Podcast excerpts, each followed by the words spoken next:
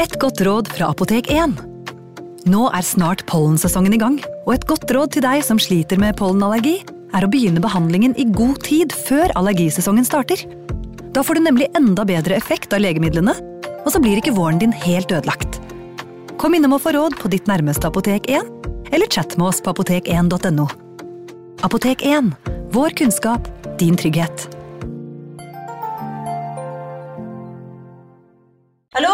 Jeg kommer fra Oslo politikammer. Ine Jansen er purk. Er du purk? The motherfucking bitch. Alt jeg vil, er å finne ut hva som skjedde med mannen min. Jon Carew. Er jeg sikta for noe? Iben Akeli. Det er du. Ole So, Lars Berrum og Big Daddy Karsten. Hvem sin side er du på, egentlig? Anette Hoff, Tone Danielsen, Kommer du fra Afrika? Jørnis Josef, Nesten kløfta. Trond Espen Seim, Det er synd å si det, men det var feil mann som døde. Purk. Premiere tirsdag på TV2 Play. Ungsamtalen fra DNB er økonomisk veiledning tilpasset deg som er ung. Bokk en ungsamtale på dnb.no. slash ung. Det er kjempebra hvis du skal inn på boligmarkedet, hvis det er drømmen din, liksom. Det er det du skulle sagt. Og så kunne du ropt litt mer, da, sånn som jeg gjorde. Bam! Advarsel. Historiene vi forteller i denne podkasten kan være fiktive og avvike fra den opprinnelige historien av dramaturgiske årsaker. Meninger og påstander i historiene reflekterer nødvendigvis ikke programledernes meninger eller virkeligheten.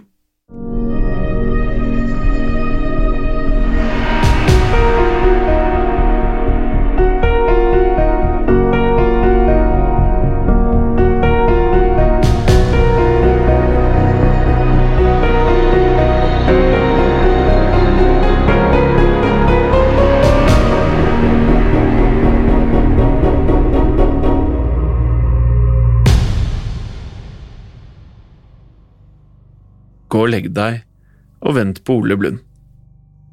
Allerede da ordene forlot Jens munn, hørtes de merkelig ut. Han var ikke sikker på hvorfor han hadde sagt det, men for en eller annen grunn funket det.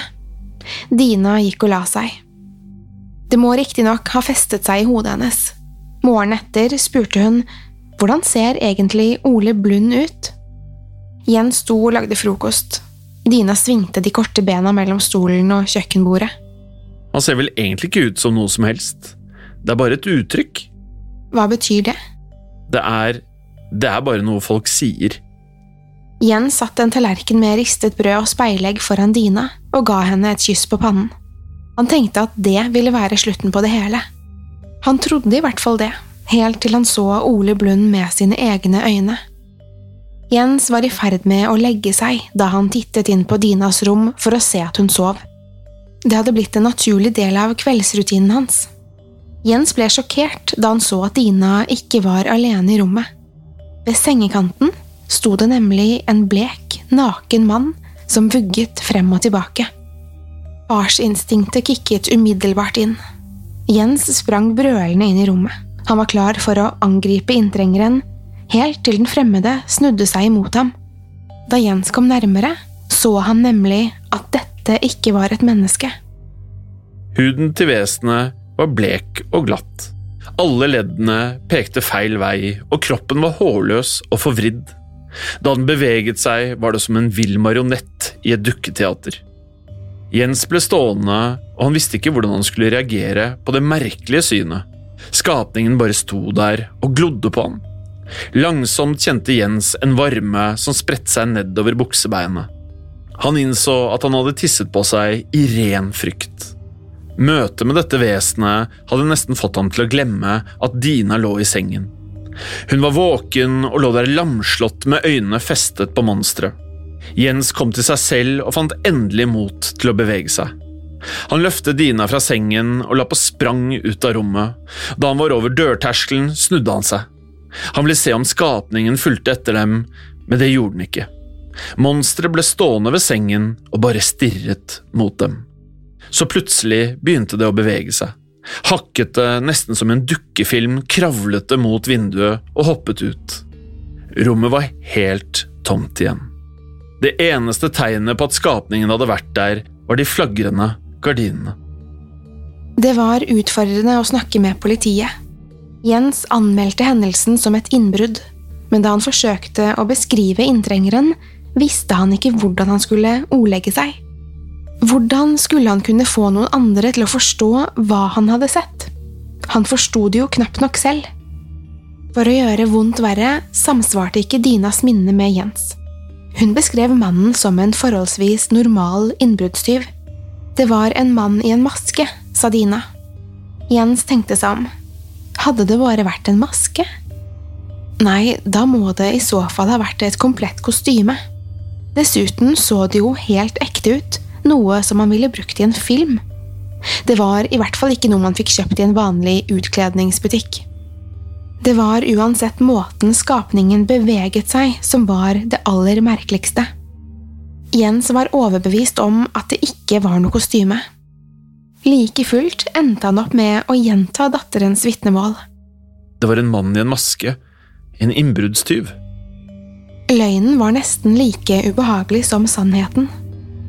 Ifølge legene så det ikke ut som at Dine hadde blitt utsatt for noen mishandling. Jens var lettet. De var riktignok ikke klare til å reise hjem helt enda, så de tilbrakte noen netter på hotell. Da de endelig dro hjem, hadde Jens fått et nytt sikkerhetssystem installert i huset. Nye alarmer på alle dører og vinduer, og jernstenger på flere av vinduene i huset. Han likte ikke å gjøre det, men verken han eller Dina følte seg helt trygge uten. Jens var vettskremt den første natta i huset, men merkelig nok virket Dina helt rolig. Da Jens spurte om Dina turte å sove alene, svarte hun med et enkelt ja. Utover natta var det Jens som skulle ønske at han ikke var alene. Hele natta ble han liggende våken og lyttet etter den minste bevegelse i huset. Han hadde nesten klart å overbevise seg selv om at det bare var en forstyrret mann i huset den kvelden. Men hver gang han lukket øynene, så han det bleke, forvridde ansiktet fremfor seg. Han tok til å undre hvorfor i mitt hjem, og hvorfor akkurat med min familie? Han var klar over at det ikke trengte å være noen grunn, men han undret likevel. To uker senere sluttet plutselig Dina å prate. Jens tenkte ikke stort over det til å begynne med, men det ville snart bli utfordrende. Han forsøkte å presse noen ord ut av henne, men hun nektet å snakke. Etter hvert ble det klart at hun ikke var i stand til å si noe som helst. Jens dro til legen, men de fant ingen fysiske plager. Kunne det bare være en traume fra innbruddet? spurte Jens. Jo, det kunne være, men til legene. Noen ganger kunne disse reaksjonene komme litt forsinket. Barn kan være mystiske, selv for de som kjenner dem best. Legen anbefalte en barnepsykolog som spesialiserte seg på traumer. Men denne psykologen tok ikke imot henvisninger og jobbet bare i det private. Jens hadde rett og slett ikke råd til å betale for denne behandlingen. Ingenting så ut til å hjelpe. Dina kunne svare på spørsmål skriftlig, men ikke med mer enn et ja eller nei. Dersom Jens spurte om noe var galt, eller hvorvidt hun hadde sett eller hørt noe som skremte henne, ble han bare møtt med et tomt blikk. Hun virket både unnvikende og forvirret over spørsmålene han stilte. Jens begynte å savne å høre datterens stemme, men Dina kom ikke til å prate igjen før hun selv var klar. Jens hadde andre ting å bekymre seg for også. Han hadde overbevist seg selv om at inntrengeren ikke egentlig var borte. Selv om alarmen aldri ble utløst og alle låsene forble urørte, var han overbevist om at han hørte noen inne i huset om nettene. Det var ikke som skritt, det var som om en enorm slange ålte seg gjennom huset. Hver gang han hørte det, dukket de frykteligste bilder opp i hodet hans. Det var aldri noe der da han gikk for å undersøke, men rett som det var, føltes det som om han fikk et glimt av noe, like utenfor synsvinkelen. Han innbilte seg at det var en blek fot eller en forvridd skygge som forsvant akkurat idet han snudde seg for å se. Jens slet med å sove, og da han først gjorde det, hadde han grusomme mareritt. Han innså at han ikke hadde forlatt huset på ukevis, annet enn for å handle inn dagligvarer eller for å gå innom Nav. Ettersom Dina ikke snakket, hadde han ikke hatt en ekte samtale på evigheter. Han ringte til slutt moren sin. Det var dårlig dekning der hun bodde, og stemmen hennes var derfor svak, og det var så vidt han kunne høre henne. Det går greit med meg, mor, sa han. Han tok seg et øyeblikk for å tørke svetten fra hendene med et lommetørkle. Det har vært litt vanskelig i det siste, vi har hatt et innbrudd. Nei, så grusomt. Tok de noe? Nei, de stakk da jeg oppdaget dem. Det var merkelig. Jeg har ikke klart å slappe av siden den gang. Jobber du fortsatt på sykehuset? Nei, jeg måtte slutte i fjor. Det vet du vel. Å ja, det stemmer vel. Kommer du deg noe ut? Og hvordan går det med den flotte damen du traff, hun som spiller piano? Jens ble stille, hun spurte alltid om sånne ting. Forsto hun ikke hvor vanskelig det var å være alenefar? Han skulle til å si noe, men han ble avbrutt av en lyd i telefonen. Mor, er det noen andre på linjen? Nei, det tror jeg da ikke. Jens var overbevist om at han hadde hørt noe. En kort, gispende lyd som om noe ikke klarte å holde pusten. Og med ett gled et kaldt gufs nedover nakken hans. Er du sikker på at det ikke er noen som bruker den andre fasttelefonen din? Kjære deg, det er ingen andre på linjen. Jeg bruker mobiltelefonen. Det er derfor det er så dårlig dekning. Så hva er Jens stanset midt i setningen. Om lyden ikke kom fra henne, måtte være på hans linje. Jens slapp telefonen og sprang ut i gangen. Fasttelefonen hang på veggen, tilsynelatende uberørt. Hjertet hans dunket mens han sprang ut i garasjen, hvor han hadde enda en telefon på arbeidspulten. Kan noen ha vært der hele tiden og lyttet til samtalen hans, for å så snike seg unna? Eller er de kanskje her et sted fremdeles? Dagen etter bestemte han seg for å fjerne alle de andre telefonene. Han fylte til og med igjen koblingene med gummisement. Dina fulgte med mens han styret på rundt i huset. Øynene hennes var nysgjerrige, men han forklarte ikke hva han drev med. Han begynte å utføre en enkel sjekk på Dina hver uke. Etter et år som uføretrygdet var noe av sykepleierkunnskapen hans rusten, men han husket det viktigste. Det var en ganske absurd rutine. Selv om det skulle være en fysisk forklaring på Dinas atferd, ville han ikke finne det ut med den typen tester han gjorde.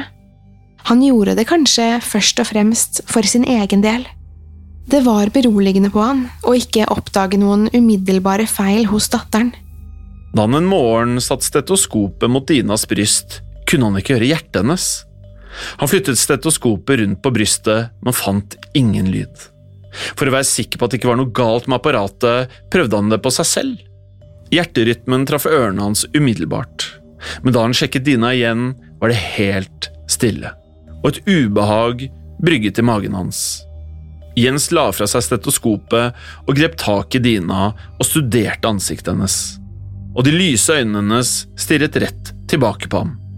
Det lurte til og med et lite smil i munnviken hennes. Jens ga datteren en klem, og hun la armene sine rundt ham. Han besluttet så at stetoskopet måtte være ødelagt, og kastet det.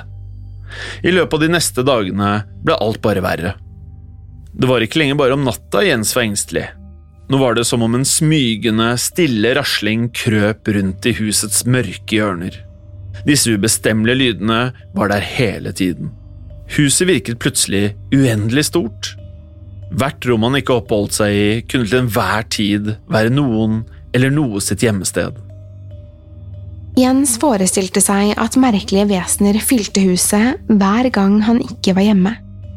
Han så for seg at de smeltet inn i veggene, eller ble ett med skyggene, hver gang han skrudde på et lys eller åpnet en dør.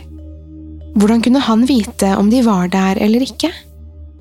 Når han gikk opp trappen, så han for seg bleke figurer som skjulte seg under trappetrinnene. Når han gikk gjennom gangen, så han for seg noe bak veggene, som fulgte ham for hvert skritt. Dersom han satt for lenge i samme stol, ble han overbevist om at noe sto rett bak ham. Det var på ingen måte betryggende når han snudde seg rundt og så at det ikke var noen der. Da innbilte han seg bare at de ubemerket hadde flyttet seg vekk. Han visste han holdt på å bli gal.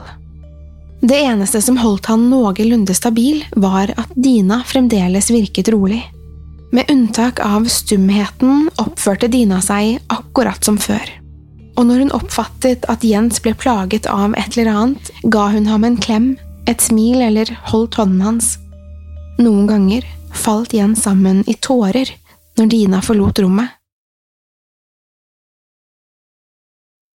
En natt tok han til seg å snike rundt i huset uten å skru på lysene. Han var lei av at dagene hans ble ødelagt av denne inntrengeren. Jens ville ta hevn ved å konfrontere skapningen i nattmørket. For han hadde det blitt det samme. Dag og natt var nå like fryktinngytende, men han fryktet nesten lyset mer enn mørket. Jens listet seg barefot nedover gangen, opp trappene og inn og ut av tomme rom. Og noen ganger stanset han for å lytte. Han håpet å kunne spore disse lydene. Den fremmede snek seg smidig rundt i huset, men noen ganger var Jens sikker på at han hørte de merkelige fottrinnene. Jens hørte oftest disse lydene fra gjesterommet. Det lignet egentlig ikke et soverom, det var heller som et skap som akkurat hadde plass til en seng. Han hadde aldri fått pusset opp skikkelig, så rommet var i dårligere stand enn resten av huset. Jens gikk derfor sjelden inn dit. Han hadde ikke noe der å gjøre, og dessuten likte han ikke hvordan det så ut. Det var bart, umalt og ubrukt, og fikk ham til å tenke på død. Men nå gikk han inn. Om vesenet skulle lage seg et rede et sted i huset, måtte det være her. Det var selvsagt ingenting der nå, men det betydde ikke at det ikke var noe der. Han bannet stille og dro hånden gjennom håret. Hva var det han ikke så? Hva var det vesenet skjulte for ham? Hva var hemmeligheten det bar på? Han tittet inn i de tomme hjørnene og la ansiktet helt opp til veggen. Han måtte være fullstendig sikker på at det ikke var noe sted den fremmede kunne skjule seg. Plutselig flimret lyspæren til live. Jens stivnet. Herregud, den er i taket. Han så for seg at den kravlet over han som en stor, blek øgle.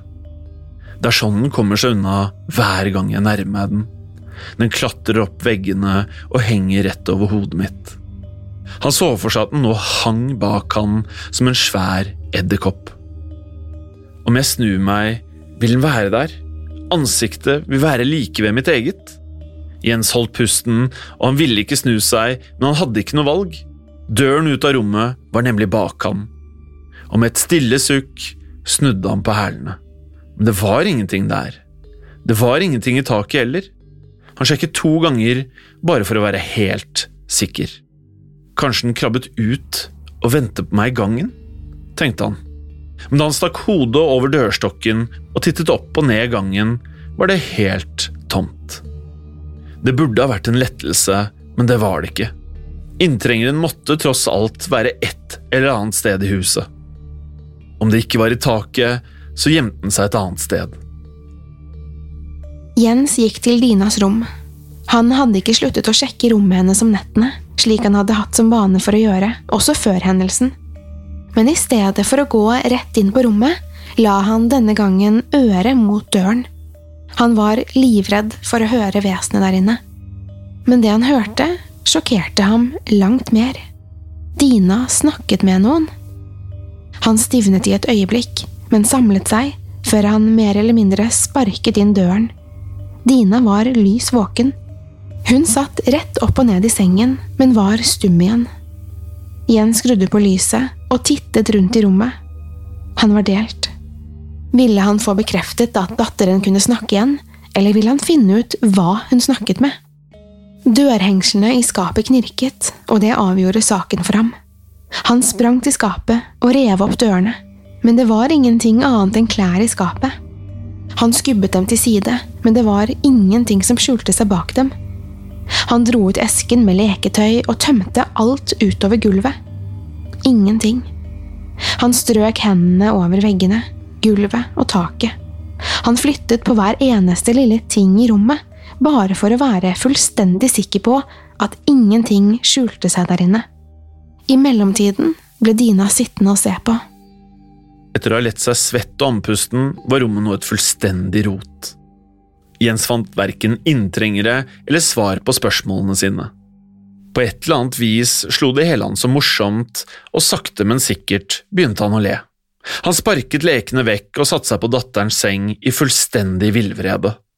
Det slo han at han ikke hadde sovet på flere dager og på ingen måte var i stand til å tenke rasjonelt. Og plutselig var det som om han så seg selv utenfra og så hvor nærme han var å gå fullstendig av hengslene. Han bestemte seg for at både han og Dina skulle sove til langt utpå ettermiddagen. Og når de endelig våknet, skulle de forlate det gamle, knirkende huset en gang for alle. Ikke noen flere stålstenger over vinduene, ingen flere meningsløse helsesjekker og ingen flere drømmer om monstre. Det var nemlig på tide å begynne å leve som vanlige folk igjen.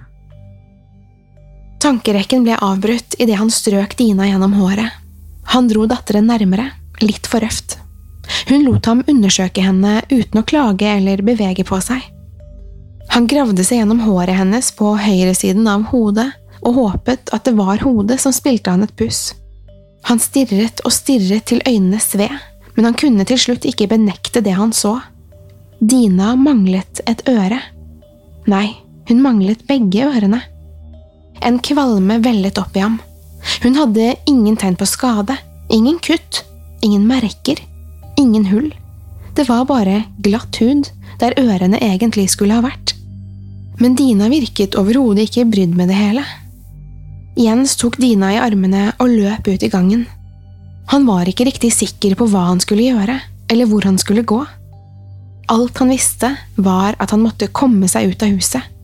Men veien ut var blokkert. Ved utgangsdøren satt en blek, naken mann med ryggen vendt til dem. Nei, det var ikke en mann. Jens gjenkjente de rare, utstrakte lemmene og de lave skuldrene. Det bleke vesenet satt på huk og vugget frem og tilbake. Vesenet så nesten ut til å være i smerter. Jens holdt datteren tett mot kroppen og rygget sakte. Så hørte han datterens stemme for første gang på lenge. Pappa? Jens så ned på datteren, og han hørte stemmen hennes igjen. Pappa? Men Dinas lepper beveget seg ikke. Jens tittet tilbake på den krumryggede figuren foran dem. Hodet gjorde små knekk mens den snakket. Hei, pappa. Jens ble tørr i munnen. Han slet med å få ut ordene og måtte prøve flere ganger. Ikke kall meg det. Det er ditt navn. Til deg. Forsvinn! La familien vår være. Men jeg er din familie. Jo mer den sa, desto mindre lignet stemmen på datterens. Stemmen til skapningen ble stadig mer forvridd og kvalt. Jens fikk en vond følelse, men han klarte ikke å sette fingeren på hva det var. Hvem er du? sa han. Noen. På besøk. Hvorfor er du her? Du inviterte meg. Hjertet til Jens herjet nå i brystet hans. Hvorfor? Jeg hadde noe, og du ville ha det. Jens fuktet de oppsprukne leppene sine. Du lyver. Du har jo ikke noe jeg vil ha. Jeg vil at du skal dra herfra. Dra og aldri kom tilbake. Hvem er Dinas mor? Jens blunket vilt. Hvem er Dinas mor? Hva pokker er det for et spørsmål? Hvor gammel er Dina? Jens fortsatte å blunke vilt, og stemmen ga noen hodepine. Slutt å stille meg disse dumme spørsmålene. Når er Dinas fødselsdag? Jeg… jeg vet ikke. Hva er Dinas mellomnavn? Hold kjeft! Hva var hennes første ord? Hold munn, sa jeg. Jens ble fylt av raseri. Han ble rive den fremmede i biter med bare hendene. Du var alene, ønsket deg en datter. Jeg ga deg. Jeg skapte en datter. Hendene til Jens begynte å riste. Det gir ingen mening. Fra hva skapte du henne? Av meg selv. Jens sin mage vrengte seg. Men jeg trenger delene igjen. Dina prikket nå Jens på skulderen. Det var noe annerledes med ansiktet hennes. Dina, åpne øynene dine. Dina strammet bare øyelokkene enda mer. Dina, nå må du åpne øynene dine. Dina bare ristet på hodet, men hun klarte bare å holde igjen så lenge. Til slutt gled øyelokkene opp og avslørte to tomme hulrom der øynene hadde vært. Jens kastet nesten datteren fra seg. Han klarte ikke se på datterens øyeløse ansikt. Dina åpnet munnen for å si noe, men hun hadde ingen stemme. Hun kommer tilbake, sa vesenet. Til meg igjen. Nei, gi henne tilbake til meg, skrek Jens. Jeg kan ikke. For lenge. Jeg advarte deg. Du lyver! Gi meg datteren min nå! Jeg lyver ikke. Advarte deg. Hun kan ikke eksistere for alltid. Du har glemt. Du husker bare det du vil. Glemmer alle våre samtaler. Dina følte seg som en dukke, eller som en tom sekk. Håret hennes dalte av hodet og forsvant før det rakk å treffe bakken. Hendene forsvant opp i pysjamasermet og føttene opp i buksene. Jens vugget den krympede, formløse kroppen hennes i armene. Tårer strømmet ned ansiktet hans. Snart holdt han bare en haug klær, og så, like etter, ingenting. Jens vandret gjennom huset. Leken hennes forsvant, bilder forduftet fra rammene, Dinas små sko var nå borte. Han gikk tilbake til Dinas rom, men ble bare møtt med en vegg der rommet hadde vært. Han strøk hendene over tapetet før han slo hodet sitt hardt mot veggene. Den fysiske smerten var ingenting sammenlignet med det som hadde skjedd på innsiden. Hvorfor gjør du dette? sa han. Det var ditt ønske. Dette er umulig. Folk vil spørre. Politiet, sykehusene, alle i nabolaget. De har glemt. Alle sammen. De husker bare det jeg vil. Som deg. Jens presset hendene mot den bankende hodeskallen. Vil jeg huske henne?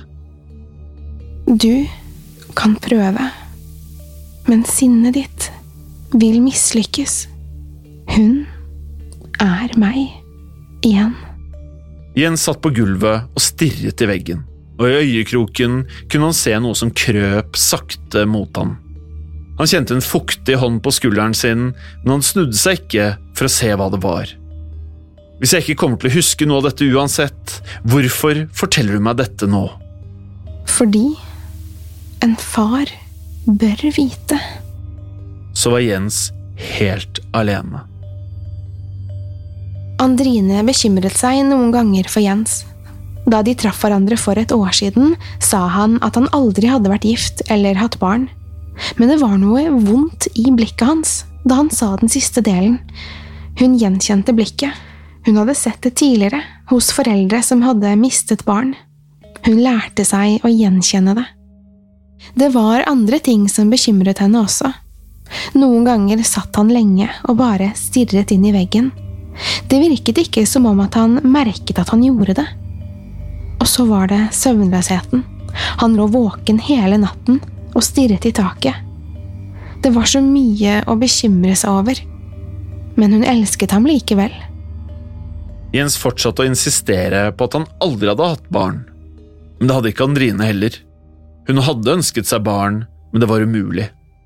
Hun var redd for at Jens ikke ville være sammen med en kvinne som ikke var i stand til å bli mor. Han sa det gikk fint, men hun var ikke overbevist. Noen netter gikk Jens i søvne.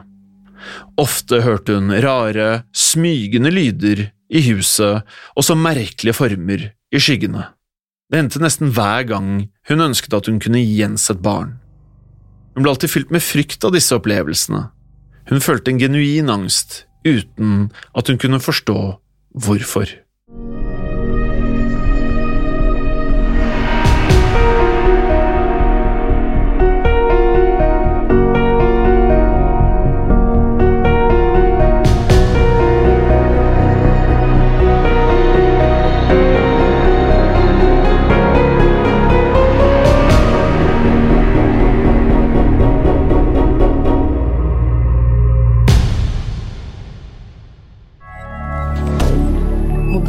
media.